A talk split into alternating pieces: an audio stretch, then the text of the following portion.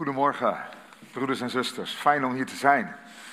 En uh, op deze dag, de dag waarop we eraan denken dat Jezus zijn plaats in de hemel heeft ingenomen, dat we kunnen samenkomen om Hem te prijzen en ook zijn woord te horen. Ik wil met u gaan lezen uit twee Bijbelboeken. Het eerste is uit Handelingen 1 en daarna uit Filippenzen 3. En het thema voor vanmorgen is hemelburgerschap. Hemelburgerschap. Handelingen 1 en Filippenzen 3. Eerst Handelingen 1 vanaf vers 4.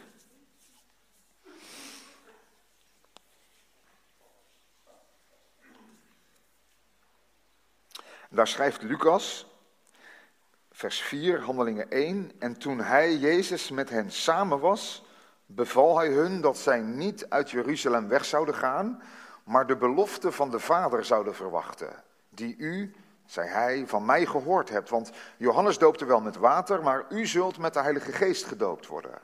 Niet lang na deze dagen. zij dan, die samengekomen waren, vroegen hem: Heer, zult u in deze tijd voor Israël het koninkrijk weer herstellen? En hij zei tegen hen: Het komt u niet toe de tijden of gelegenheden te weten die de Vader in zijn eigen macht gesteld heeft. Maar u zult de kracht van de Heilige Geest ontvangen, die over u komen zal en u zult mijn getuige zijn, zowel in Jeruzalem als in heel Judea en Samaria en tot aan het uiterste van de aarde. En nadat hij dit gezegd had, werd hij opgenomen, terwijl ze het zagen. En een wolk ontrok hem aan hun ogen. En toen zij, terwijl hij van hen wegging, hun ogen naar de hemel gericht hielden, zie, twee mannen stonden bij hen, in witte kleding, die ook zeiden, Galileese mannen, Waarom staat u omhoog te kijken naar de hemel? Deze Jezus, die van u opgenomen is naar de hemel, zal op dezelfde wijze terugkomen als u hem naar de hemel hebt zien gaan. Toen keerden zij terug naar Jeruzalem. Even tot zover. En dan gaan we ten tweede naar Filippenzen hoofdstuk 3.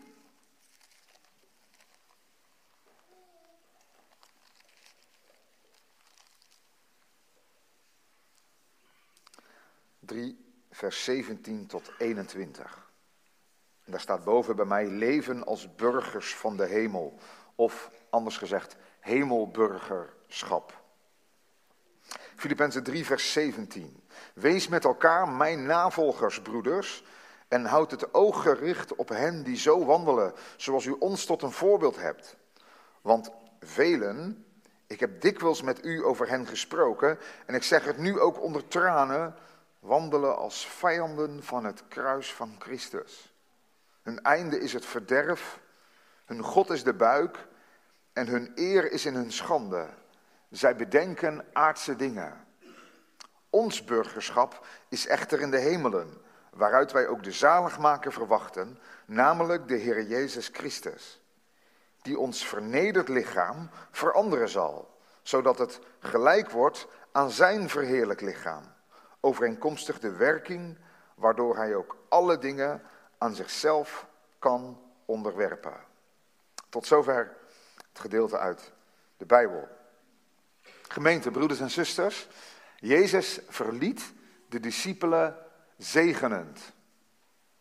Hij strekte zijn handen uit, hij zegende hen en hij werd opgenomen in de hemel bij zijn vader. Ze hadden hen gevraagd kort voor zijn vertrek, gaat het nu gebeuren? En Jezus wist wat ze bedoelden. Het koninkrijk, gaat dat nu komen voor Israël? En Jezus gaf als antwoord, jullie zullen de Heilige Geest ontvangen. Het komt jullie niet toe precies te weten wanneer het koninkrijk gaat komen. Jezus zegt niet, het koninkrijk komt niet. Jezus zegt, het komt jullie niet toe te weten wanneer het koninkrijk komt, maar de eerstvolgende stap is dat jullie de Heilige Geest zullen ontvangen en dat jullie mijn getuigen zullen zijn. Jeruzalem, binnenste cirkel, Samaria, eentje wijder en uiteindelijk tot aan de einden van de aarde. Jezus geeft zijn geest met de bedoeling dat ze van hem zouden gaan getuigen. En in die tijd die voor hen lag, en we zijn inmiddels twee eeuwen verder, zullen zij en de gemeentes die zullen ontstaan in Jeruzalem, in Samaria en onder de heidenen, die gemeentes zullen leven in verwachting van het koninkrijk. dat komt. En de apostelen zijn gegaan. Ze hebben gewacht. Tien dagen later is de geest gekomen. En God heeft hem met kracht uit de hoogte aangegord. En ze hebben de boodschap van Jezus, die opgestaan is, verspreid. En weet je waar die boodschap helemaal gekomen is? Ja, zal je zeggen, in de Noordoostpolder. Inderdaad, ook in de Noordoostpolder. Maar dat bedoelde ik eigenlijk niet. Die boodschap is gekomen op een gegeven moment in Europa. Paulus was met zijn team in Troas ongeveer 30 jaar na de uitstorting van de Heilige Geest. En hij was daar en ze zochten naar leiding. Wat is de next step? Waar moeten we heen? En hij zag in zijn denken, hij zag in een visioen, zag hij een man staan en zei kom over en help. En die man was een Europeaan. Aan de andere kant van het water. En Paulus zei tegen zijn team, we moeten oversteken. En ze komen uiteindelijk in Filippi. En in Filippi hebben ze de boodschap van het evangelie verspreid. De boodschap van de opgestane Messias, Jezus Christus. Bekeer je, geloof het evangelie, want het koninkrijk gaat komen. En je zult het niet geloven, maar echt waar, op die plek kwamen mensen tot geloof. Mensen met een Joodse achtergrond, zoals Lydia, die bij de rivier samenkwamen. Handelingen 16 lees je dat. Maar ook mensen met een puur heidense achtergrond. Bijvoorbeeld die gevangenisbewaarder, die cipier. Die Paulus en Silas gevangen gezet had. Hun ruggen waren opengebloed. Maar toen er een aardbeving kwam en Paulus en Silas goden lofzongen in de gevangenis, kwam de vraag eruit: wat moet ik doen om gered te worden? Paulus zei: bekeer je. En geloof het evangelie. Geloof in de Heer Jezus Christus. Ik wil vanmorgen, het is een bijzinnetje, maar wel een hele belangrijke. Als je vanmorgen zegt, wat moet ik doen om gered te worden? Misschien ben je twaalf. En hoor je je ouders of misschien je grote broers en zussen spreken over het volgen van Jezus.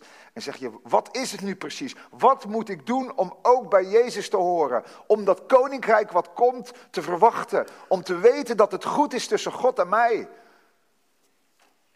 Vanmorgen zeg ik tegen je in navolging van de apostel Paulus. Geloof in de Heer Jezus Christus.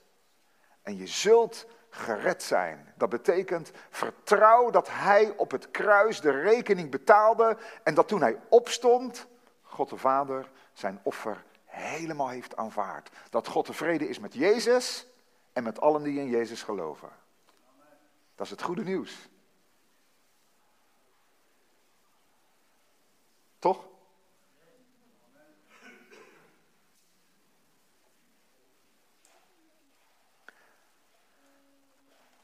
Er komt een gemeente in Filippi. Lydia, die cipier. Eerst komen ze samen bij Lydia thuis. Het is allemaal heel eenvoudig. Geen podium, niks tegen een podium hoor. Maar het is allemaal heel eenvoudig. Het is samenkomen in de naam van Jezus. Maar goed, de gemeente groeit, de gemeente ontwikkelt. En Paulus schrijft weer enkele jaren later een brief. Want die christenen leven daar als een soort kolonie, een kolonie van de hemel in het Romeinse Rijk. En dat is niet makkelijk. Jezus volgen is niet altijd makkelijk. Tenminste, niet als je zijn woord wil gehoorzamen, zijn wil wil doen en hem wil blijven verwachten tegen de stroom in. Ook in West-Europa in de 21ste eeuw. En Paulus zegt, ik schrijf een brief. Ik zit toch in de gevangenis. Ik pak mijn pen en ik schrijf een brief. En hij schrijft een geweldige brief. De Filippense brief. Vier hoofdstukjes. En het kernthema van de brief aan de Filippenzen is... Verblijd je in de Heer. Vreugde in Jezus Christus. En hoofdstuk 1 beschrijft hij zijn eigen situatie. Hij beschrijft in hoofdstuk 2 de gezindheid van Christus. En in hoofdstuk 3 geeft hij een waarschuwing voor religieuze mensen die de besnijdenis ontzettend belangrijk maken. En aan het einde van hoofdstuk 3 geeft hij een tweede waarschuwing. En die tweede waarschuwing heeft te maken met hoe leef je nu als christen? Ben je een hemelburger? Ben je gericht op de hemel? Leef je vanuit de aansturing van de hemel? Of leef je met je focus, je horizon op de aarde? Christus is opgevaren, hij zit op de troon, hij is ten hemel gevaren, hij heeft zijn geest uitgestort. Vanaf nu zijn zijn volgelingen geroepen om hier op aarde met de benen in de modder, maar met hun hoofd in de hemel, het koninkrijk van God te verwachten. Paulus zegt, ik wil jullie daar wat over schrijven, want ik zie dat jullie het moeilijk hebben. En hij zegt in het stukje in Filippenzen 3 eigenlijk drie dingen die te maken hebben met dat hemelburgerschap. En ik wil daar vanmorgen je aandacht voor vragen. En het is misschien overbodig om te zeggen, ik vraag je aandacht, niet zozeer omdat ik hier sta, of omdat je misschien vriendelijk voor mij wil zijn, maar ik vraag je aandacht omdat dit het woord van God betreft, wat jou en mijn levens kan veranderen, kan vernieuwen. Ten eerste bespreekt Paulus in vers 17 het belang van voorbeelden. Leef je in die anti-christelijke Romeinse cultuur, dan heb je voorbeelden nodig. Hij zegt, wees met elkaar mijn navolgers, broeders. En houd het oog gericht, daar staat eigenlijk, kijk voortdurend naar, wees voortdurend gefocust op hen die zo wandelen zoals u ons tot een voorbeeld hebt. Jullie hebben voorbeelden nodig. Iemand heeft ooit gezegd, de meeste geestelijke groei in het leven van een christen komt door het voorbeeld van andere christenen. Ik weet niet of je dat helemaal zo kan zeggen. Misschien zit er iemand die zegt, nee joh, ik, ik, mijn geestelijke groei komt uit de hemel, door het voorbeeld van de Heer Jezus. Dat is natuurlijk een heel geestelijk antwoord, dat is prachtig. Maar in de gemeente groeien we natuurlijk ook doordat we naar elkaar kijken. Kijk hoe kinderen zich ontwikkelen. Jongens en meiden, je, je kijkt naar je vader en moeder hoe ze dingen doen. Wij hebben een zoontje van twee die uh, absoluut meer geholpen wil worden bij het eten. Hij krijgt zijn eigen bordje, hij wil zijn eigen bestek hebben en hij doet dat helemaal zelf. En je ziet hem eigenlijk zo stiekem kijken naar zijn broers, hoe doen die dat een beetje? En hij gaat het proberen na te doen. Nou, eigenlijk is dat geestelijk ook zo. Wij hebben voorbeelden nodig. Paulus zegt, jullie leven daar in die enclave in het Romeinse Rijk en jullie hebben voorbeelden nodig. En zegt hij, ik en mijn medewerkers, wij zijn jullie voorbeelden. Houd ons als voorbeeld. Wees mijn navolgers. En houd het oog gericht op hen die net zo wandelen als ik. Ik heb een vraagje aan je. Aan de discipelen van Jezus in de gemeente hier de Fontein in Emmeloord heb ik een vraag. Wie zijn uw, wie zijn jouw voorbeelden? Ja, de Heer Jezus. Amen. Maar ik bedoel, wie zijn hier op aarde voorbeelden voor jou waarvan je zegt, daar kan ik me aan oriënteren, daar kan ik me aan optrekken. Die zijn als een soortje baken in zee waarmee ik samen Jezus kan volgen. Want alleen Jezus volgen, het is geen solo-actie, discipelschap. Daarom is er de gemeente. Heb jij mensen in je omgeving waarvan je zegt, daar kan ik van hart tot hart mee spreken? Ja. Mooi. Geweldig. Bent u een voorbeeld voor een volgende generatie? Wij zijn in onze tijd, wij, wij, denken heel westers, hè, van de kinderen doen dit en de tieners doen dat en de twintigers doen dat en de dertigers doen dat en de veertigers dat. Maar, maar weet u, de, de, gemeente van Christus, eh, het is goed om maatwerk te doen, hè, begrijp me goed, maar de gemeente van Christus is in principe jong en oud samen. Intergenerationeel. En ik heb tot op de dag van vandaag, ik ben een dertiger, heel veel aan het voorbeeld van oudere christenen die al langer met de Heer wandelen. Wees mijn navolgers. Wij hebben voorbeelden nodig. Jezus is ons voorbeeld in de hemel, maar Jezus zegt: Ik help jou, ik leid jou, onder andere door mijn gemeente, waarin je voorbeelden vindt die je kan navolgen. In onze tijd ontzettend belangrijk. Dat is het eerste, voorbeelden. Het tweede wat Paulus hier aansnijdt, en ik wil je opnieuw vragen, kijk even naar de tekst, is dat hij spreekt over gevaren. Gevaren. Want velen, ik heb, vers 18, ik heb dikwijls met u over hen gesproken, en ik zeg het ook nu onder tranen, velen wandelen als vijanden van het kruis van Christus.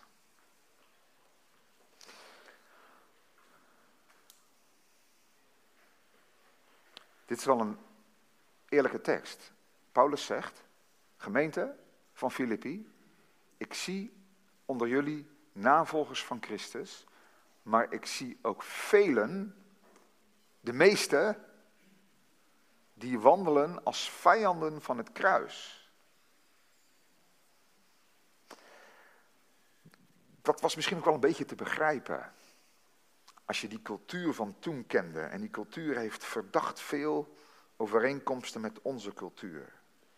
Filippi was een kolonie van, kolonie van Rome.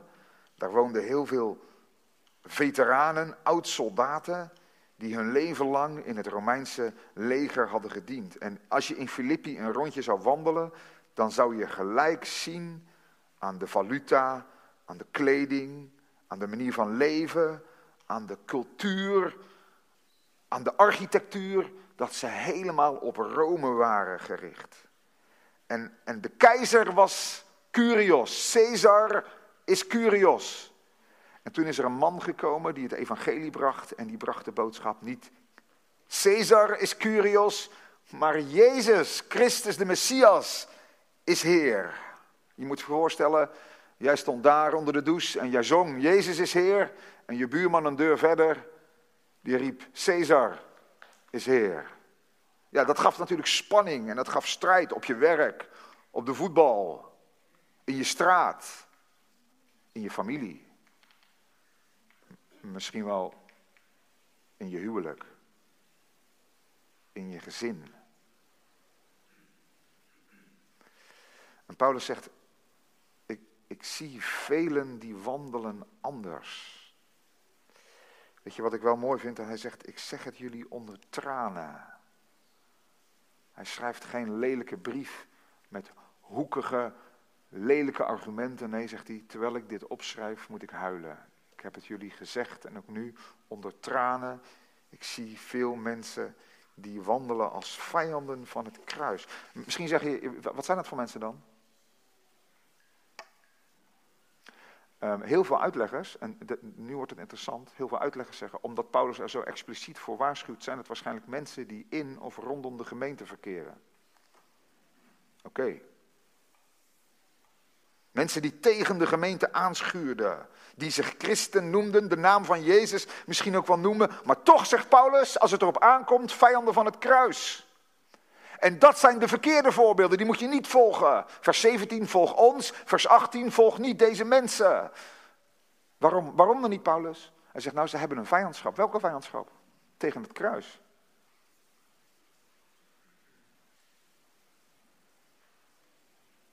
Het kruis van Christus. In de geschiedenis zijn er met het kruis hele vreselijke dingen gedaan. Maar in het Bijbelse denken was het kruis het symbool van de Messias Jezus, die daaraan gestorven was, die daaraan die vreselijke dood gestorven was. En daarmee het leven voor zijn volgelingen had verworven. En hij had gezegd, als iemand achter mij wil komen, dan moet je je kruis opnemen. Kom en sterf en vind het leven. Paulus had het er vaak over. Maar, zegt Paulus, ik zie ook mensen die vijanden van het kruis zijn. hoezo dan? Um, en in vers 19 geeft hij daar een uitleg van. Kijk maar, lees met me mee. Hij zegt hun, dat zijn die volgelingen, of dat zijn die mensen die vijanden zijn van het kruis. Hun einde is het verderf, hun God is de buik, hun eer is in hun schande en ze bedenken aardse dingen. Wat Paulus hier eigenlijk doet, is dat hij de cultuur van die groep mensen, die heel erg verbonden is aan de cultuur van Rome, onder kritiek stelt. Als eerste zegt hij, hun God is de buik. Wat is dat nou weer? Er zijn mensen die houden van lekker eten. Nou, niet per se. Um, hun God is de buik, dat, dat wil eigenlijk zeggen, eh, zij, zij leven in een genotscultuur. Genieten als het hoogste goed. Je noemt het ook wel het hedonisme. Meer liefhebbers van zingenot dan liefhebbers van God. Zij denken, let op hoe actueel, het leven is als een lolly. Je moet erop zuigen tot op het stokje. Je moet er uithalen wat erin zit. En kom je bij het stokje, dan is het voorbij. Het is allemaal hier en nu. Een goede jeugd, een mooie opleiding, een strakke carrière, leuke vakanties, geen ziektes, geen lijden, een goed pensioen en een makkelijke dood. That's it.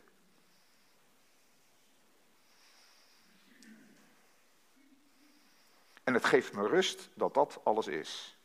Praat me niet over leven na de dood. Tjoe, het lijkt wel of ik in Rome leef. Genieten als het hoogste goed. Je God is de buik. Het lijkt me geen overbodige waarschuwing in de 21ste eeuw. Er zijn christenen die zeggen, ja dat klopt, want genieten is fout. Kijk, daar ben ik het nou niet mee eens. De, die de afslag zou je snel kunnen maken. Ja, je God is de buik. Inderdaad, Leander, dat lijstje wat je net noemt. Niet genieten. Je, je moet ascetisch leven, je terugtrekken. Als een kloosterling leven. Pas op voor alles wat fijn en leuk is. Dat komt allemaal straks pas. Nou, dat is helemaal niet waar we zijn als christenen allemaal geroepen om te genieten. Sterker nog, er is niemand die niet geniet. We zijn geboren met een gat in ons hart. Wij moeten genieten. We moeten iets aanbidden. De vraag is wat je aanbidt. En als je geleerd hebt, daar komt hij, brief, om in God je hoogste vreugde te vinden. God als je hoogste genot. En wat John Piper het christenhedonisme noemt. Enjoying God forever, zegt hij dan kan je de andere dingen in het leven wel gebruiken. Maar je zet er je hart niet op. Je God is niet de buik, maar God is God. Jezus is God. En alles wat Hij je geeft hier op aarde, dat aanbid je niet, maar je gebruikt het. En God is de buik. Het tweede wat hij zegt is, hun eer is in hun schande. Ja, is een beetje moeilijke taal, hun eer, dat is wel duidelijk, is in hun schande. Weet je wat daar eigenlijk staat? Een beetje, een beetje ongemakkelijk misschien. Er staat eigenlijk schaamdelen. Dit heeft te maken met de vrije seksuele moraal. Wat in het Romeinse Rijk ook helemaal um, ontplooid was. Seks als een consumptieartikel.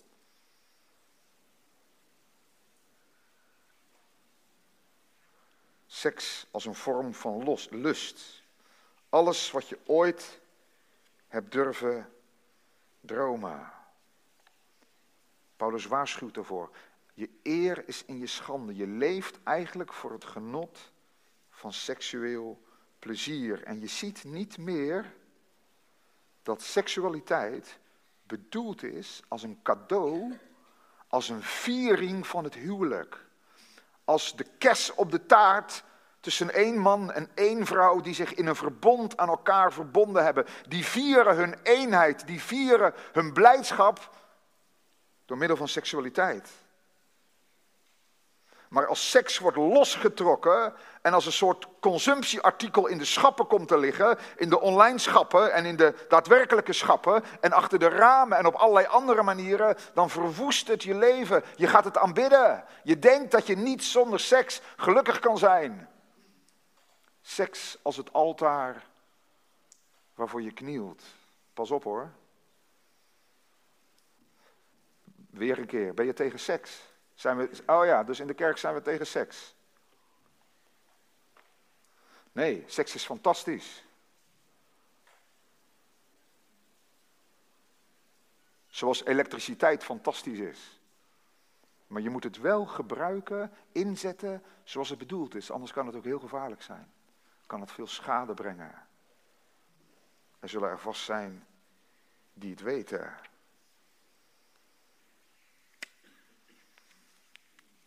En het derde is, hij zegt, ze bedenken aardse dingen. Eigenlijk is dat de samenvatting. Hij zegt, hun horizon is alleen maar op de aarde gericht.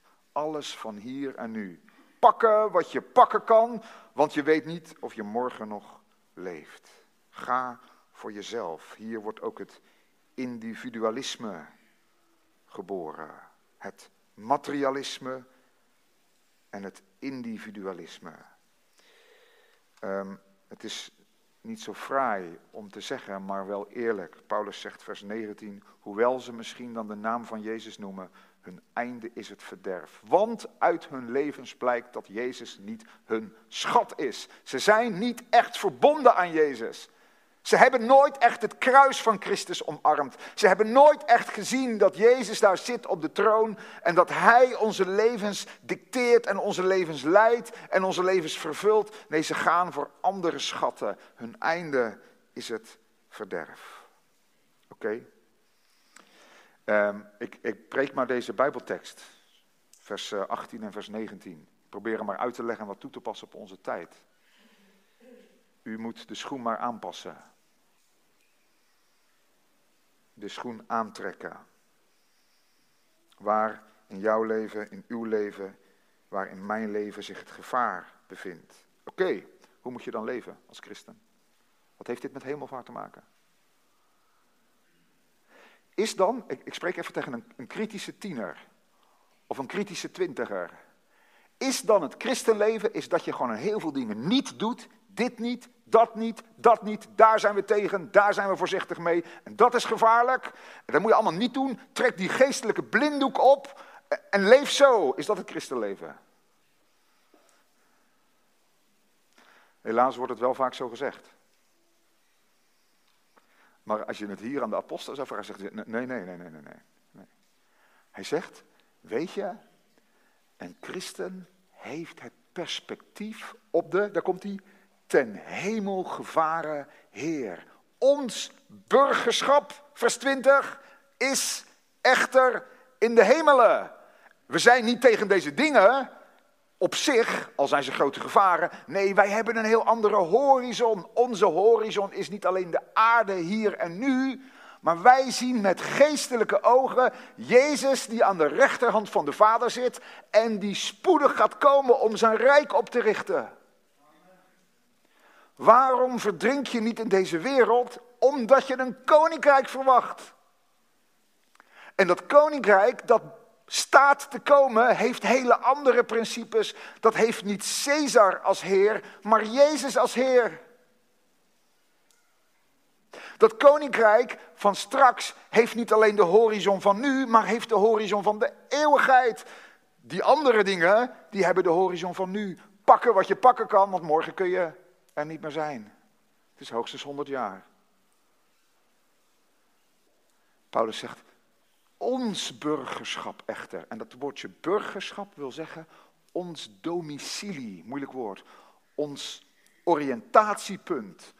Onze aansturing ligt in de hemel.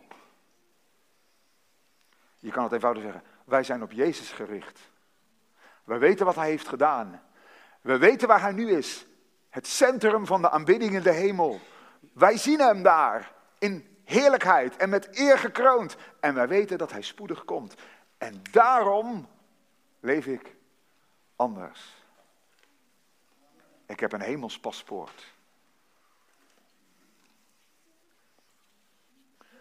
Tot slot. Wat is dan hemelburgerschap? Wat is dat dan in de Noordoostpolder in de 21ste eeuw? Leven als een hemelburger. Nou, ik zei net al, je bent verbonden met Hem. Eh, het is niet zozeer, laat ik dat zeggen, het is niet zozeer dat de hemel je thuis is. Je ziet dat soms in de christelijke wereld, hè? dan is de aarde heel slecht en we moeten maar zo snel mogelijk naar de hemel. Maar dat is niet de boodschap van het koninkrijk dat komt. Jezus spreekt over een, uiteindelijk een nieuwe hemel en een nieuwe aarde. Wat is het dan wel? Nou, is dat Jezus die nu in de hemel zit, daar als het ware um, onze levens aanstuurt door de kracht van zijn geest, door zijn woord, door de gemeente. En straks neerdaalt om zijn rijk op te richten voor Israël. Zodat het koninkrijk, waarin Israël het centrum zal zijn, en de volkeren de Messias zullen zien en hem zullen komen aanbidden, dat is het perspectief wat we verwachten. En wat moet je dan nu weten? Want het koninkrijk is er nog niet, het is onder ons, maar het is nog niet publiek. Het komt. Wat moet je dan nu weten? Hoe kan je alvast lezen, leven als een ambassadeur die dat koninkrijk verwacht? Dus er gaat een hele volksverhuizing plaatsvinden. Dat hele koninkrijk dat komt van boven naar beneden. En er zijn alvast wat mensen vooruitgestuurd. Er zijn mensen die zijn als ambassadeur, als hemelburger hier op de plek waar straks het koninkrijk komt. Hoe moeten die dan leven? En dat is nou een goede vraag. Want zeg niet dat het christenleven easy is. Zeg niet dat je de hemel binnenfietst. En dat het koninkrijk zomaar komt. Het is ook moeizaam soms in ons leven. Hoe moet je dan leven? Nou, een hemelburger moet een aantal dingen weten. Ik noem ze achter elkaar. Eén is dat je naam staat opgeschreven in de hemel. Dat zegt Paulus in Filippenzen 4, vers 3. Van wie hun namen in het boek des levens staan. Je bent bekend bij de Heer die komt. Je bent daar bekend. Je naam staat geregistreerd. Oh, dat vind ik een geweldige gedachte. De Heer kent mijn naam. Twee is, als hemelburger ben je gericht op Jezus Christus. Jij ziet Hem. Wat velen niet zien, is aan jou geopenbaard. Namelijk de waarde van zijn werk, zijn kruis, zijn opstanding en nu zijn voorbeden in de hemel. Het derde is, zo ga je ook leven. Je gaat hemels wandelen. In Chinees herken je in Nederland aan allerlei dingen. Zo herken je een christen, een volgeling van Jezus, aan zijn werkelijke identiteit, zijn werkelijke paspoort. Dat moet je weten. En er is nog iets groots. Een hemelburger verwacht dat dat koninkrijk waar hij al onderdeel van is, ook daadwerkelijk gaat komen. Vers 20b. Waaruit wij ook de zaligmaker verwachten. Hier staat eigenlijk, uit de hemel verwachten wij de komst van Jezus Christus. De zaligmaker, in, daar staat dus de soter. Dat is degene die verlossing brengt. Namelijk zegt hij, ik zal zijn naam noemen, vers 20, de Heer Jezus Christus. Hij is degene die straks zijn intocht doet hier op aarde. En wat gaat er met ons gebeuren dan? Hij komt, inderdaad. En wat gebeurt er met ons? Dat is dat laatste zinnetje van Filippenzen 3. Mooi hoor.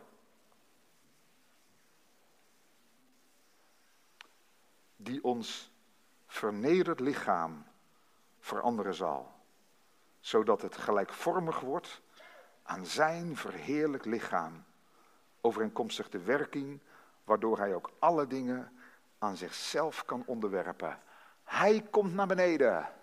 De opgevaren Heer zal alzo terugkomen zoals u hem naar de hemel hebt zien neerdalen. En wij, die levend overgebleven zijn, of die door zijn stem worden opgewekt uit de lichamelijke dood, wij zullen veranderd worden naar zijn beeld gelijkvormig aan zijn verheerlijkt lichaam. Dit is de opstanding uit de doden. Dit is het opstandingslichaam dat gereed gemaakt wordt voor het koninkrijk van God, waar alle gelovigen in zullen delen. Jezus komt en wij zullen aan hem gelijkvormig worden. Ik was van de week op bezoek bij iemand, een goede vriend van mij. Die zegt, ik weet niet hoe lang nog. Hij is ernstig ziek begin de 60. Hij zegt, ik denk in dagen, misschien in weken. September is voor mij heel erg ver weg. Mijn lichaam staat op 1%. Zoals je telefoon helemaal leeg kan zijn, is zijn lichaam leeggezogen. Je zag het aan alles. Dan is dit het evangelie. Hij die ons vernederd lichaam gelijkvormig zal maken aan zijn verheerlijkt lichaam. Dat weet een hemelburger. Dat perspectief heeft een hemelburger. En daarom ben je niet zo verslingerd aan de aarde. De aarde is maar 100 jaar. Op zijn langst. Voor sommigen korter. Voor een enkeling een beetje langer. Maar wij verwachten een eeuwig koninkrijk. Niet met handen gemaakt. Waar de Heer die nu in de hemel zit, zal regeren. En wij met hem. Voor de eer van zijn naam. Tot zegen van de wereld. Voor de glorie van zijn volk Israël. Dit is het perspectief. En als je dit een beetje gaat vatten. Als je hier een beetje aan gaat proeven. Dan ga je met verwachting leven. Dan ga je met verwachting leven. Trap je niet in de leugens van de wereld. Dat de kaarten alleen maar zet op het hier en nu. Maar ik vind het een beetje goedkoop. Een beetje kortzichtig. Wij verwachten. Als je Jezus kent, is het je deel. Leef er dan ook uit. Halleluja. Amen.